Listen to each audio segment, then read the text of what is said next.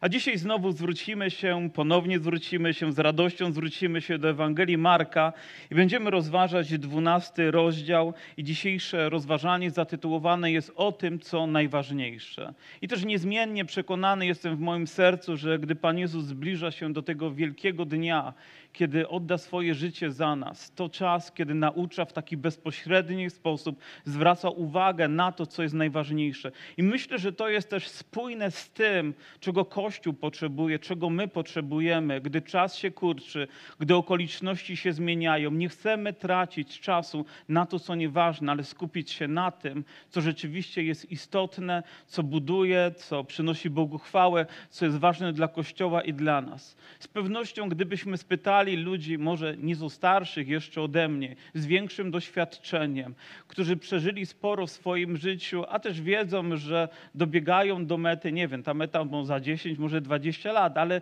wiedzą, jak ważny jest czas. Może nauczyliby was tego, co jest najważniejsze.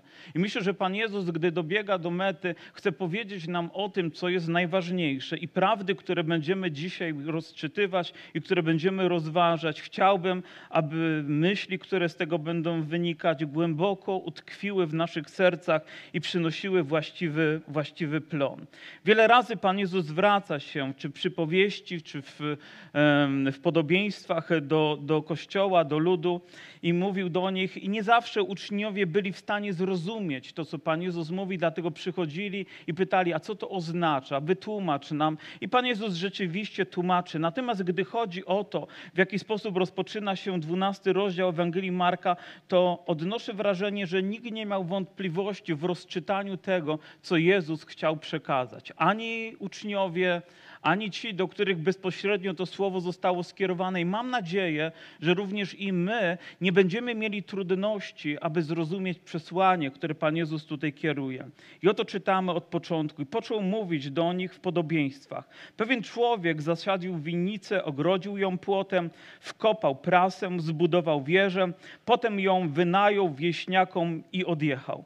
Ponad wszelką wątpliwość tym, który jest właścicielem winnicy, jest Bóg.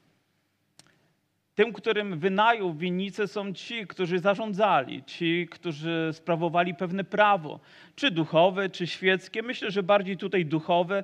Pewnie chodziło o faryzeuszy, pewnie chodziło o sadyceuszy, którzy uzurpowali sobie wręcz do tego prawo. Winnicą był Izrael, a więc jest Bóg, jest Izrael, są ci, którzy zarządzają, a więc przypowieść jest, przypowieść jest jasna. To Bóg stworzył winnicę, to Bóg ją ogrodził, to Bóg dał jej żyzność, to Bóg dał jej potencjał, ale przekazał ją jakby człowiekowi po to, żeby właściwie i mądrze nią zarządzał, by ona mogła przynosić plon dla Bożej chwały. W tamtych czasach chyba też nie mieli trudności w zrozumieniu, nawet postronni ludzie, że takie rzeczy po prostu miały miejsce. Ktoś zakładał winnicę, ale jakby wydzierżawiał ją komuś po to, żeby mógł później z tych profitów żyć, aby one przynosiły mu pewną korzyść. I tak też oto ta ilustracja jest przedstawiona tutaj.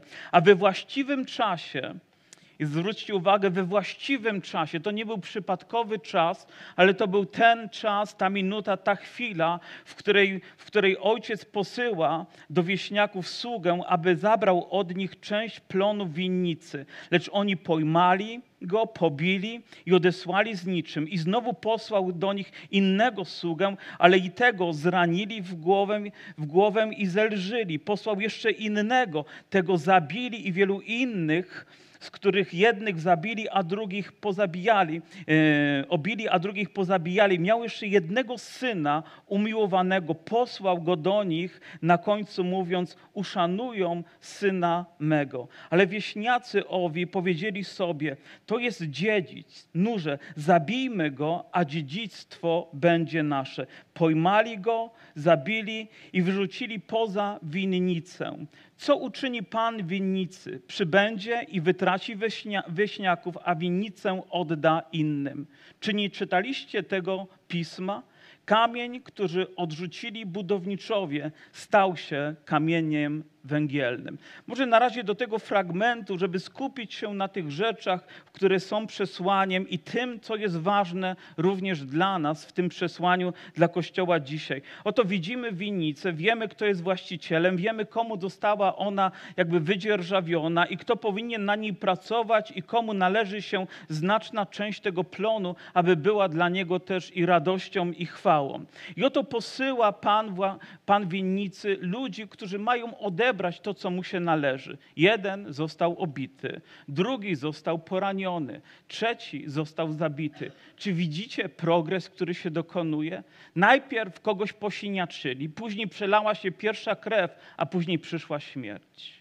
Czy tak właśnie następuje z biegiem czasu, że ludzie coraz bardziej oddalają się od Boga, coraz bardziej Go lekceważą, coraz bardziej jakby są oddaleni od tego, do czego zostali stworzeni, co powinno przynosić Bogu chwałę, do czego ludzie są też po, powołani? A więc na końcu właściciel winnicy mówi, pośle swojego umiłowanego syna. I chciałbym, żebyśmy to podkreślili, swojego umiłowanego syna, w zasadzie swojego jedynaka posyła aby ten poszedł i odebrał to, co należy się ojcu. Mówi: Uszanują syna mego. I w tych słowach zabiera się dobra nowina dla tych wieśniaków, dla tych ludzi. Dlaczego? Bo gdyby to zrobili, gdyby w tym momencie przyszła jakaś refleksja do ich życia, gdyby skupili się na tym, że jednak muszą uszanować syna, to to, że nawet tamtych obili, to, że ich zranili, że to, że wyrządzili komuś krzywdę,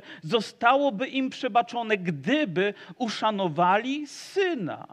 I myślę, że przesłanie, które płynie dla nas z tej przypowieści czy z tej ilustracji jest takie, że główną rzeczą w naszym życiu jest to, abyśmy właściwie odnieśli się do tego, który został z nieba dla nas posłany, bez względu na przeszłość, bez względu na to, jak zarządzaliśmy wcześniej naszym życiem. Jeżeli przyjdzie ten moment, kiedy nasza uwaga i serce zostaną skoncentrowane na Jezusie, to nawet przeszłość zostanie nam wybaczona, a to, co później będzie, będzie, będzie owocem tego, w jaki sposób odniesiemy się do Jezusa. Czyż to nie jest istotą? Spotkałem grupę ludzi, którzy mieli bransoletki i tam były pewne literki, które się pojawiły i one, one jakby mówiły to, mm, co uczyniłby w tym momencie Jezus na moim miejscu. Nie wiem, być może rozciągnąłem to, albo co uczyniłby Jezus, gdyby stanął właśnie w tym miejscu. I rozumiem, że to jest ważne pytanie, bardzo ważne pytanie dla nas, ludzi wierzących. Ono bezpośrednio jakby nie wypływa z tego fragmentu, ale myślę, że warto sobie je zadać, bo stajemy w różnych okolicznościach jak Dobrze, co Jezus uczyniłby w tej sytuacji? Jakby nauczał nas, na co, na co by wskazał? I, i, I dalej będziemy pewnie to rozważać i mam nadzieję, że padną odpowiedzi. Ale najważniejszym pytaniem, które człowiek musi sobie postawić i będzie mu postawione, to jest takie, co uczyniliśmy z Jezusem? Co uczyniliśmy z umiłowanym Synem? Co uczyniliśmy z tym, który został posłany? Co uczyniliśmy dzisiaj, aby oddać Mu chwałę? Co uczyniliśmy dzisiaj, aby Go wywyższyć? Co zabraliśmy sobie, a co przynieśliśmy Jemu? Oto w jaki sposób Kościół, oto społeczność jest zdefiniowana. Gdzie jest Jezus? Jaka jest Jego rola? Jakie jest Jego miejsce w naszej społeczności, w naszych sercach, w naszym życiu? Bo od tego zaczyna się wszystko. Później czytamy też to słowo, prorocze słowo, które zostało wypowiedziane do Izraela, że kamień, który odrzucili budowniczowie, ci, którzy mienili się budowniczymi, zapomnieli o tym, co najważniejsze, odrzucili fundamentalny, ten pierwotny, najważniejszy kamień. Wiecie, biada ludziom, którzy odrzucą Jezusa, biada ludziom, którzy go zlekceważą, biada ludziom, którzy próbują budować swoje życie, swoją karierę i przyszłość bez Niego, nie opierając na Nim, ponieważ wszystko inne będzie zniszczone, będzie poddane próbie ognia, nie przetrwa tej próby, przyjdzie trzęsienie, przyjdą kataklizmy, przyjdą może jeszcze gorsze rzeczy niż tych jesteśmy. Nie przetrwają ludzie, ale ci, którzy zaufają Jezusowi, ostoją się. Więc zobaczcie, jak ważnym dla nas jest również i ta lekcja. Oczywiście, gdy słyszeli to faryzeusze, gdy słyszeli to uczeni w piśmie, z pewnością byli oburzeni, może odeszli z, odeszli z niesmakiem, może na, nawet ich emocje były tak, tak wielkie, że za chwileczkę planowali, jakby tu się go pozbyć, co wynikało też z innych fragmentów Bożego Słowa. I wiecie, dzisiaj nie czas na to, byśmy bawili się no, w, de, delikatnie mówiąc, taką Ewangelię, która nie ma mocy, albo byli po prostu poprawni, byli grzeczni. Cóż z tego, że ktoś przyjdzie na to miejsce, usłyszy poprawne słowa i być może nawet będą miłe dla ciebie te słowa, jeżeli wyjdziesz niezbawiony, jeżeli wyjdziesz nieodnowiony, jeżeli twoje życie dalej będzie w niebezpieczeństwie. Bóg stworzył cię dla swojej chwały i Bóg chce używać cię dla swojej chwały, ale to, czego oczekuje, to właściwej postawy wobec wobec Jezusa, że oddasz Jemu to, co należy się Bogu, to, czego tylko On jest godzien. Uszanują Syna mego. Oto pragnienie Ojca, które wyraża, posyłając swojego Syna. Ale wiemy, jak postąpili oni z Jezusem. Wiemy, jak postąpili, bo ta, ta historia, ta przypowieść również ukazuje nam jakby proroczą zapowiedź tego, co za chwileczkę stanie się z Jezusem. Jest to bardzo, bardzo dramatyczne i myślało, myślę, że było bardzo bolesne, gdy nawet sam Pan Jezus wypowiadał te słowa, bo mówił o czymś naprawdę osobistym, ale chcę jeszcze na jedną rzecz zwrócić uwagę. Czasami pojawia się takie e, pytanie, no dobrze, czym jest grzech śmiertelny? Zadaliście sobie kiedyś to pytanie? Wielu z nas ma z tym być może nawet problem, ponieważ jeżeli cokolwiek byśmy powiedzieli przeciwko, mm, przeciwko człowiekowi, to będzie nam wybaczone, ale jeżeli cokolwiek uczynimy przeciwko Duchowi Świętemu, no to mamy poważny problem, ponieważ jest to rzecz, która będzie się za nami ciągła i wiemy, jakie, jakie skutki tego będą. Myślę, że ten fragment, to jest moja interpretacja tego fragmentu, mówi nam właśnie o tym, że ludzie mieli świadomość tego, kim jest ten Boży posłaniec,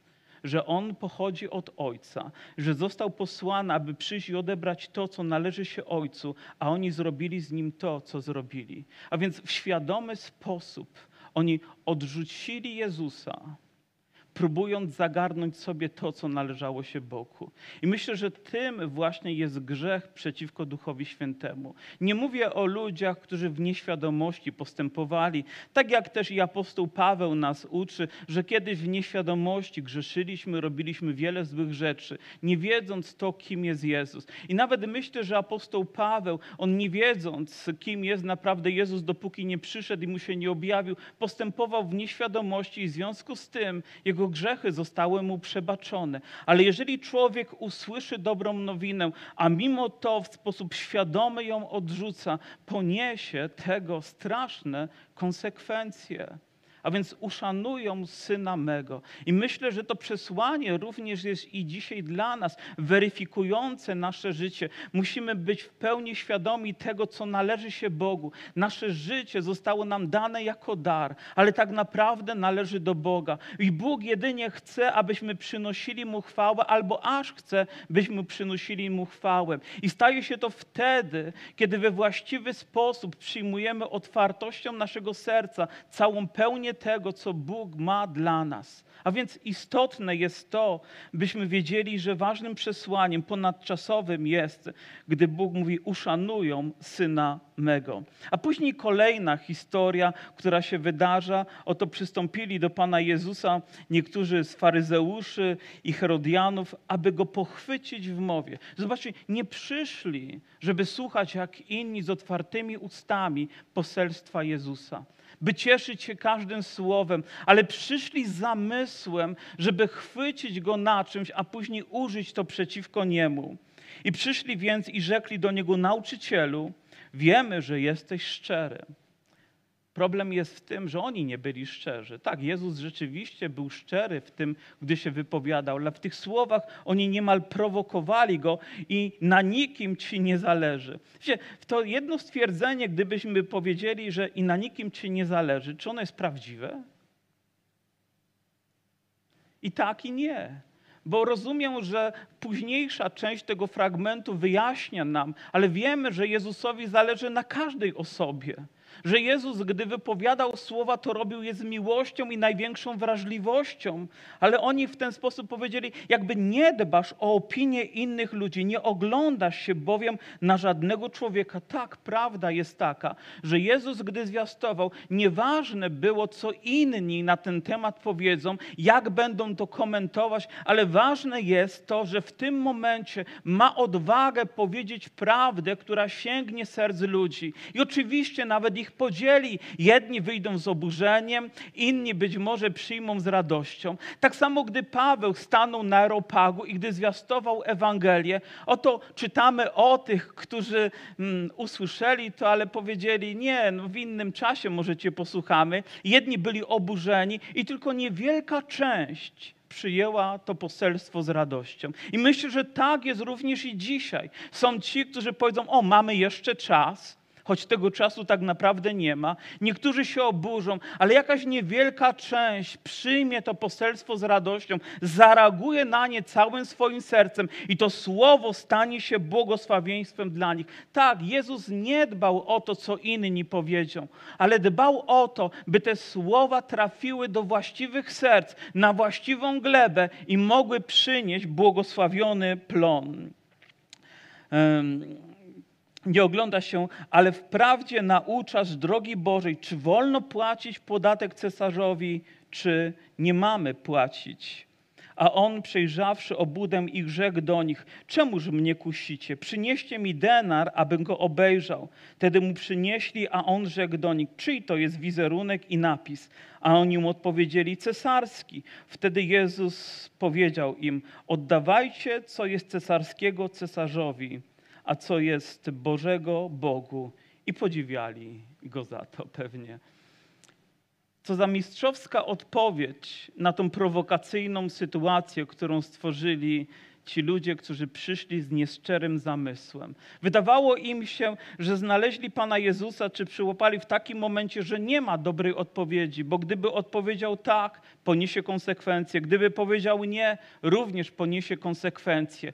Bo gdyby powiedział tak, to sprzeciwiłby się jakby narodowi. Powiedział, to jak to? To ty jesteś za tym, żebyśmy byli pod władzą Rzymu, żebyśmy im oddawali pieniądze. Gdyby powiedział nie, to powiedzieliby Rzymianom, ale jak to? Przecież on łamie prawo i powinien ponieść konsekwencje. Nie było dobrej odpowiedzi. Przynajmniej ludziom się tak wydawało, że nie było wyjścia z tej sytuacji. Nie wiem, w jakiej sytuacji my się czasami znajdujemy. Nie wiem, co odpowiadacie ludziom, gdy was pytają. Nie zawsze mamy łatwą odpowiedź i nie zawsze nasza odpowiedź jest tak czy nie. Gdyby ktoś dzisiaj nas pytał, no to co w tej sytuacji? Mamy przestrzegać prawa, czy mamy nie? Czy nie mamy go przestrzegać? Czy powinniśmy bardziej słuchać, nie wiem, tego, co mówią obwieszczenia, czy tego, co nakazuje nam, nie wiem, sumienie, rozsądek? Jak mamy wyważyć? Ani jedna, ani druga nie jest dobra, prawda? Gdzie zachować równowagę, gdzie zachować mądrość, gdzie się odnaleźć w tej sytuacji? Pan Jezus daje nam jasną odpowiedź. On mówi, żebyśmy umieli rozróżnić pomiędzy tym, co należy się Bogu, a tym, co należy się ludziom. Amen? Żebyśmy byli na tyle pokorni, by mieć właściwy stosunek do władzy, ale też na tyle wierni, by nie poddać się i być wiernym przede wszystkim Bogu. Czy to nie jest ważne również dzisiaj? Czy nie polaryzuje to czasami Kościół, dzieląc na jakieś skrajności, na tych, którzy mówią tak i na tych, którzy mówią nie i się kłócą? A w samym centrum jest Jezus ze złotą definicją dla każdego z nas. Mówi: Nie pogubcie się w tym, bądźcie mądrzy. I wiecie, o ile prawo jest dobre i porządkuje pewne rzeczy, i o ile chrześcijanie powinni być nawet może lepszymi obywatelami niż wszyscy inni, o tyle musimy być mądrzy, że gdziekolwiek prawo próbuje wkroczyć, aby zabrać to, co należy się Bogu, musimy dokonać właściwego wyboru. Oto mistrzowska odpowiedź, którą Bóg daje swojemu Kościołowi, którą daje również dzisiaj i nam. I myślę, że to jest niezmiennie ważne i obowiązujące również dzisiaj. Gdy Panu Jezusowi przynieśli oto tą monetę tego denara, on powiedział, czyj to wizerunek? Wiecie, czyj to był wizerunek? Cesarza Tyberiusza, który wtedy rządził. O, nie był zbyt dobrym władcą dla Izraela.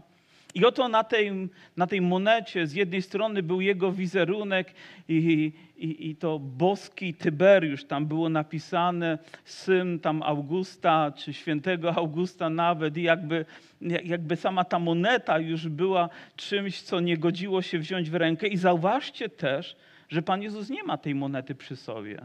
On mówi, przynieście mi ją.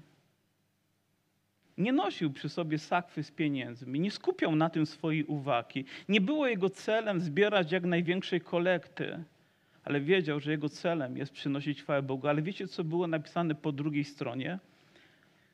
Po łacinie to brzmiało Pontifex Maximus, co znaczy najwyższy kapłan. Oto była moneta, którą trzeba było przynieść. Najwyższy kapłan. Wiecie, kto miał tą monetę w ręku? Najwyższy kapłan, arcykapłan, Jezus. I na nim powinna być skupiona nasza uwaga. Wszystko inne powinno zostać oddane ludziom.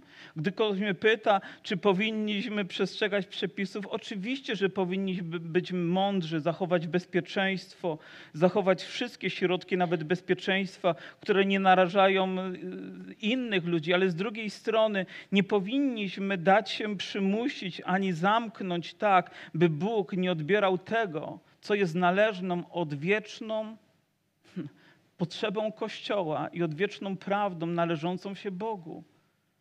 Jako Kościół musimy wciąż to rozstrzygać w naszym sercu, a więc będziemy stawać pomiędzy tym, co należy się cesarzowi, a tym, co należy się Bogu. Dzisiejsze zgromadzenie, dzisiejszy czas, ponad wszelką wątpliwość, to czas, który należy się Bogu, w którym Jego Kościół przychodzi, aby oddać Mu chwałę wolności serca, i z wdzięcznością.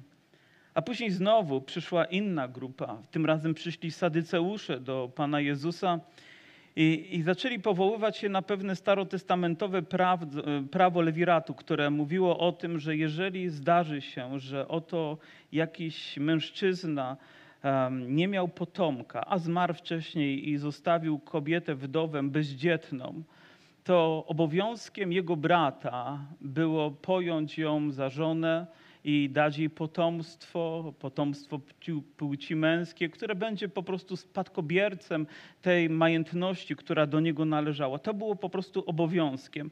Ale oni tutaj to rozwinęli, bo nie mówili tylko o jednym bracie, ale po prostu jeden za drugim umierali. Jeden brat umarł, drugi brat umarł, trzeci brat umarł, czwarty brat umarł, aż doszli do siódmego.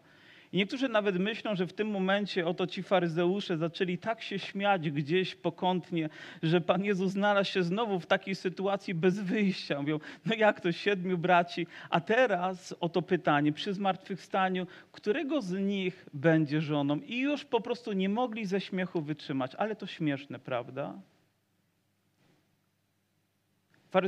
Faryzeusze byli faryzeuszami, z pewnością byli nieszczerzy w swoim sercu, ale byli ludźmi, którzy wierzyli w słowo, respektowali też to słowo, przynajmniej się starali, ale wierzyli też w takie ponadnaturalne Boże działanie, wierzyli w aniołów, bo przecież oni się pojawiają w całej Biblii.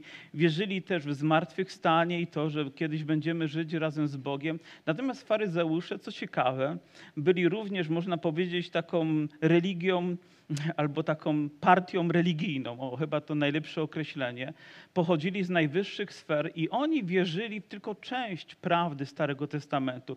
Wierzyli na przykład w prawo, które trzeba respektować i które trzeba wypełniać, ale już nie wierzyli w zmartwychwstanie.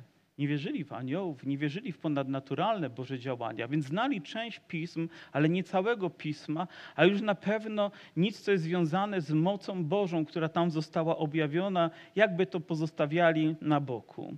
Nie wiem, czy dzisiaj taki nurt chrześcijaństwa mógłby się z tym utożsamić, ale Pan Jezus oto na ich pytanie, gdy oni mówią, no dobrze, to któro, którego będzie żoną, odpowiedział im Jezus. Czy nie dlatego błodzicie, że nie znacie pism ani mocy Bożej? Zobaczcie, kolejna odpowiedź Pana Jezusa, która jest bezcenna. Ludzie błądzą, ponieważ nie znają ani pism, ani mocy Bożej. Jeżeli odrzucilibyśmy jakikolwiek fragment, jakąkolwiek prawdę Bożą, będziemy błądzić. Zabraknie nam czegoś z tych Bożych współrzędnych, abyśmy szli we właściwym kierunku. Nie chodzi o to, byśmy znali tylko jakąś część, która jest dla nas wygodna, którą będziemy używać i nawet nadużywać, manipulować tym słowem, tak, żeby tylko nasza racja była, bo przynajmniej nam się wydaje, że taką mamy, odrzucając całokształt objawienia, które Bóg nam daje. Oczywiście, że jak wiemy, każda moneta ma dwie strony, więc też i gdy Bóg mówi o łasce, to również mówi o prawie, mówi o respektowaniu. Gdy mówi o miłości, to mówi o wykonywaniu tej miłości, ale do tego mam nadzieję, że za chwileczkę znowu będziemy mogli dojść. Ale mówi, błądzicie dlatego, że nie znacie ani pism, ani mocy Bożej. W Ewangelii Jana Pan Jezus zwracając się również do uczonych w piśmie, mówi, badacie pisma, bo sądzicie, że w nich znajdziecie życie, a te pisma świadczą o mnie, a mimo to do mnie przyjść nie chcecie. A więc bardzo wybiórczo traktowali słowo i na pewno nie odnosili go do Jezusa, tak jak powinni to robić. Ale też później czytamy ani mocy Bożej. I wiecie, ja wierzę, że chrześcijaństwo opiera się i na słowie, i na mocy. Że Kościół dzisiaj powinien opierać się na słowie, które jest fundamentem, prawdą naszej wiary, ale również na mocy, której potrzebujemy, aby wytrwać w wierze, aby kroczyć za Bogiem, aby modlić się skutecznie, aby widzieć Jego dzieła. I te rzeczy są dla nas fundamentalnie ważne, bo jeżeli będziemy znali tylko część prawdy, ale nie będziemy mieli mocy, być może staniemy się legalistami, którzy będą tylko próbowali zaimponować prawdą albo obrzucać nią innych i może nawet raniąc, ale jeżeli poznamy moc Bożą, Jego autorytet, to wierzę, że wytrwamy też w wierze i będziemy mogli kroczyć za Bogiem. Potrzebujemy jednego i drugiego, ale gdybyśmy polegali tylko na mocy, gdybyśmy tylko tą część wzięli i dzisiaj jakaś część Kościoła mówi, o tak, bo u nas jest moc, dobrze, a co z prawdą? Co ze zbawieniem, które pochodzi ze Słowa? O, bo u nas, gdy się modlimy, to dzieją się takie albo inne rzeczy. Pan Jezus mówi jeszcze więcej, może rzeczy będzie się działo i które zaimponują ludziom, ale jeżeli nie będzie tam prawdy, to błądzicie. A więc potrzebujemy widzieć, jak Kościół respektuje Słowo, jak niezmiennie trzyma się mocy, mocy Ducha Świętego, która została nam dana z nieba. Wierzę, że właśnie to jest to, czego Pan Jezus chce również i dzisiaj nas uczyć, i może w tych czasach. Jak wytrwać w tych czasach, gdy nie będziemy mieli mocy? Jak stawić opór może fałszywym tezom, gdy nie będziemy mieli prawdy? Będziemy błądzić w jednym i w drugim przypadku. Dlatego tak ważne jest, napisano, i tak ważne jest przyjąć moc wysokości, którą Bóg ma dla Kościoła, abyśmy nie błądzili abyśmy nie błądzili, abyśmy mogli wytrwać. I dzisiaj tak samo potrzebujemy niezmiennej prawdy zbawienia, jak tak samo chrztu w Duchu Świętym, jaki przeżył Kościół na samym początku i który Bóg przez wieki chce udzielać swojemu Kościołowi. Amen. I dzisiaj na tym miejscu Twoje serce spragnione jest słowa i spragnione jest mocy. Po prostu doświadczyć jej w ponadnaturalny sposób. Pan Jezus mówi, że nie będziemy jak ludzie, będziemy niczym aniołowie w niebie. Oto dobra nowina. Wiecie, czasami jest to słowo zachęty. Mówi, nie poddawaj się. Czas tej pielgrzymki, może czas problemów, czas trudności, czas wyzwań się skończy. To nie znaczy, że małżeństwo jest jakąś gehenną i czekamy, aż się w aniołów przemienimy. Tylko chodzi o to, że będziemy się zmagać z różnymi trudnościami i Bóg chce, żebyśmy w nich wytrwali. I słowo, i moc utrzyma nas nie tylko we właściwym kierunku, ale pozwoli nam tam dojść. A co do umarłych, że zostaną wskrzeszeni, czy nie czytaliście w księdze Mojżesza, jak to Bóg rzekł przy krzaku do niego: Jam jest Bóg Abrahama i Bóg Izaaka i Bóg Jakuba. Bóg nie jest Bogiem umarłych, lecz żywych. Jesteście w wielkim błędzie. Znamy tę historię, gdy Abraham stanął przy tym gorejącym, płonącym krzewie i co? Usłyszał głos i zobaczył manifestację Bożej mocy. I zawsze ten obraz jest mi miły. Zawsze chcę słyszeć Boży głos. Zawsze chcę go słuchać i nawet tak, jak Bóg powiedział do Mojżesza i powiedział później też do Jozłego, mówi zdejm obuwie, zdejm sandały, bo miejsce, na którym stoisz jest święte. Jakże bym chciał, i może nawet w jednej lekcji znowu będziemy korzystać z księgi Jozułego, gdy dojdziemy w środowe nabożeństwo do tego fragmentu, że z jaką, z jaką pokorą, z jakim zaangażowaniem serca powinniśmy słuchać Jego słowa, ale z drugiej strony widzieć coś, co się pali, ale nie spala. I słowa, które tam zostały wypowiedziane, że On jest Bogiem Abrahama, Izaaka i kogo? Jakuba. Nie mówi, ja byłem Bogiem Abrahama, Izaaka, Jakuba. Mówi, ja jestem Bogiem Abrahama, Izaaka i Jakuba. To znakiem tego, że dla Boga ci ludzie nie są umarłymi, ale w Jego oczach są tymi, którzy wciąż żyją.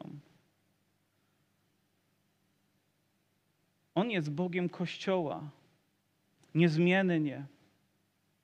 To nie jest Bóg przeszłości, to jest Bóg, który jest żywy dzisiaj, dla nas tak bardzo realny, którego możemy doświadczać również i dzisiaj na tym miejscu. Świat może się wyśmiewać, świat może szydzić. Wiecie dlaczego? Bo nie zna słowa i nie doświadczył jego mocy. Ale gdy Bóg przyjdzie i dotknie serca człowieka, gdy jego słowo przemówi, wszystko się zmienia.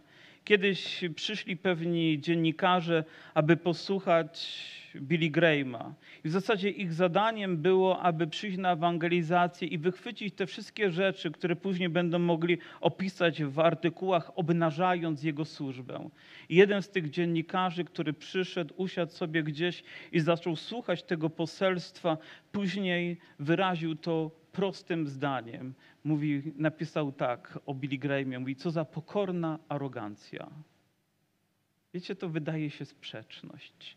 Ale ten człowiek siedząc tam, odczuł moc w zwiastowanym słowie i zobaczył postawę człowieka, który to robił z ogromną pokorą. Dlaczego? Bo opierał się na Bożym Słowie. Mojżesz jest nazwany jednym z najbardziej pokornych sług i takim też był. Po nim nie było już takiego. I myślę, że my dzisiaj jako Kościół z pokorą powinniśmy przyjmować Boże Słowo i z mocą je obwieszczać, aby serca ludzi były przemienione. Aleluja. Wierzę, że to jest naszym przywilejem. A później znowu i chyba najważniejsza rzecz w tym fragmencie, gdy został Pan Jezus zapytany przez kolejnego uczonego w piśmie, które z przykazań jest pierwsze ze wszystkich, to, które jest najważniejsze, to, które jest najważniejsze w całej Biblii, a Jezus odpowiadając, pierwsze przykazanie jest to, Słuchaj, Izraelu, Pan Bóg nasz, Pan jeden jest.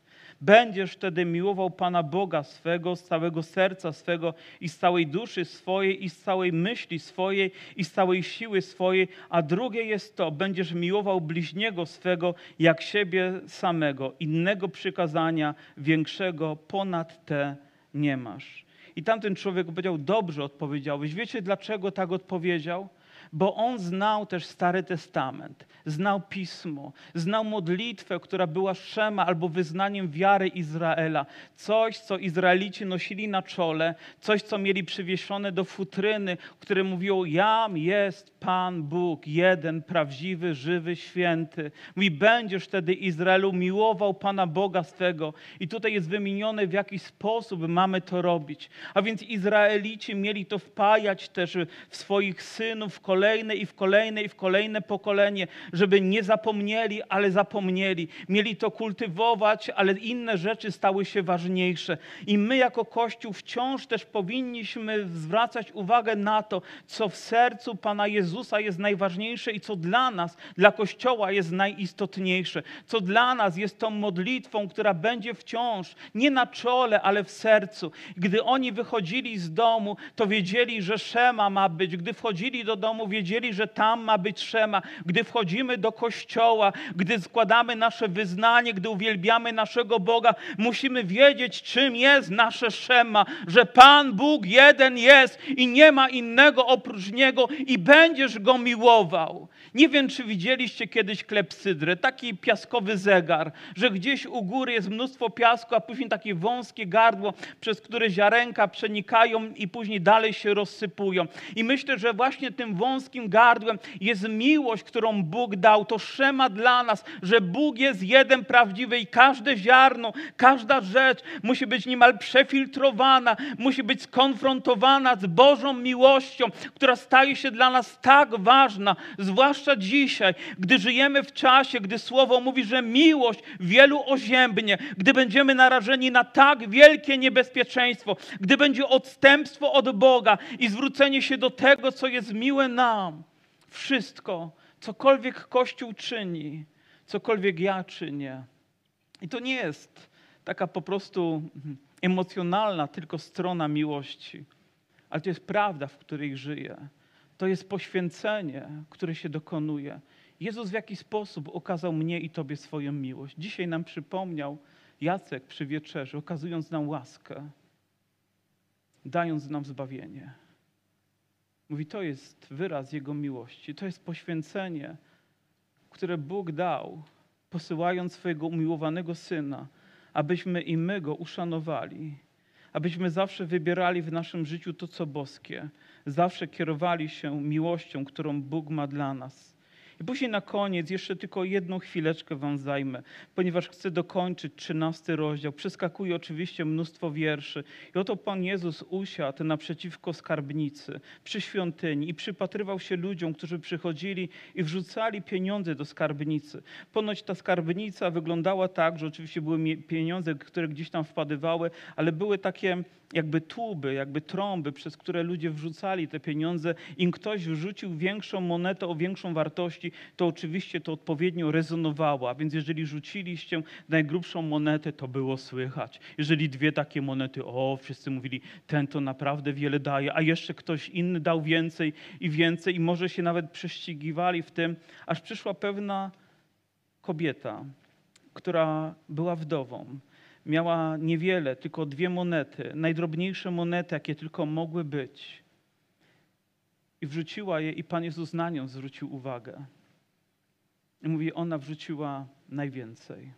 Wrzuciła wszystko, co miała. I w ten sposób wskazał też uczniom na tą kobietę, która żyła, wyraziła w ten sposób naprawdę pełne oddanie, pełne zaufanie, pełne uwielbienie Bogu. Wszystko, co mogła wyrazić, wyraziła tymi dwoma drobnymi monetami. Dała wszystko. Nawet sobie myślę, jak to dobrze, że wcześniej nie przyszła do uczniów. Jak to dobrze, że wcześniej nie przyszła do mnie, a może do ciebie. Gdyby przyszła z pytaniem, czy powinna oddać wszystko, co byście odpowiedzieli? Może zostaw sobie jedną na taką czarną godzinę. Może na jedną bułkę jeszcze kefir do tego, może ci wystarczy. Powiem, jeszcze trochę przeżyjesz na tej monecie. Ale ona nie przyszła do nikogo z ludzi, ale przyszła tam i z głębi swojego serca wrzuciła te dwie monety. Może w ten sposób uznała, daję wszystko, już nie mam nic więcej. Czyż nie jest to wyraz uwielbienia? Czyż nie jest to wyraz miłości? Czy nie jest to wyraz poświęcenia? Pan Jezus mówi, wszyscy wrzucali z tego, co im zbywało, ale ona wrzuciła wszystko. Tendencją naszą jest po prostu zachować sobie jeszcze jedną monetę, zostawić ją na później, nie oddać Bogu wszystkiego. I może na tym polega dzisiaj nasz problem, że zostawiamy coś zamiast oddać Bogu to, czego On jest godzien. Że przychodzimy, ale tylko warunkowo, a nie całym naszym sercem, że uwielbiamy uwielbiamy Go, kochamy, ale tylko cząstkowo, a nie w pełen sposób, że chcemy oddać Bogu to, co ale w określony sposób, nie w pełni tego, jak On jest tego godzien, jakby brakło wiary, jakby brakło miłości, jakby gdzieś ten czas się za, zakorkował, przez miłość to nie przepływało i nie szło dalej, nie było błogosławieństwem dla innych. Nie. Pan mówi, nie tego chcę od Kościoła. Nie tego chce Bóg dzisiaj ode mnie. Nie tego pragnie dzisiaj z Twojego życia. Pamiętaj o tym, co najważniejsze. Pamiętaj, czym jest Twoje szema w Twojej modlitwie, w Twoim wyznaniu, w świadectwie Twojego życia, w Twoim zachowaniu, w Twojej prawdzie. Nieraz ta prawda będzie dla nas bardzo bolesna, ale ona będzie też zbawienna. Ona będzie trudna, ale będzie też największym błogosławieństwem. Ona będzie nas być może stawiać w niekomfortowych sytuacjach, ale Bóg zawsze nas z nich wyprowadzi, jeżeli to, co najważniejsze, będzie w moim sercu. Ktoś kiedyś udzielił mi prostej lekcji, gdy byłem młodym chrześcijaninem. Powiedział tak: Pamiętaj, aby to, co najważniejsze, było zawsze najważniejsze. Powstańmy.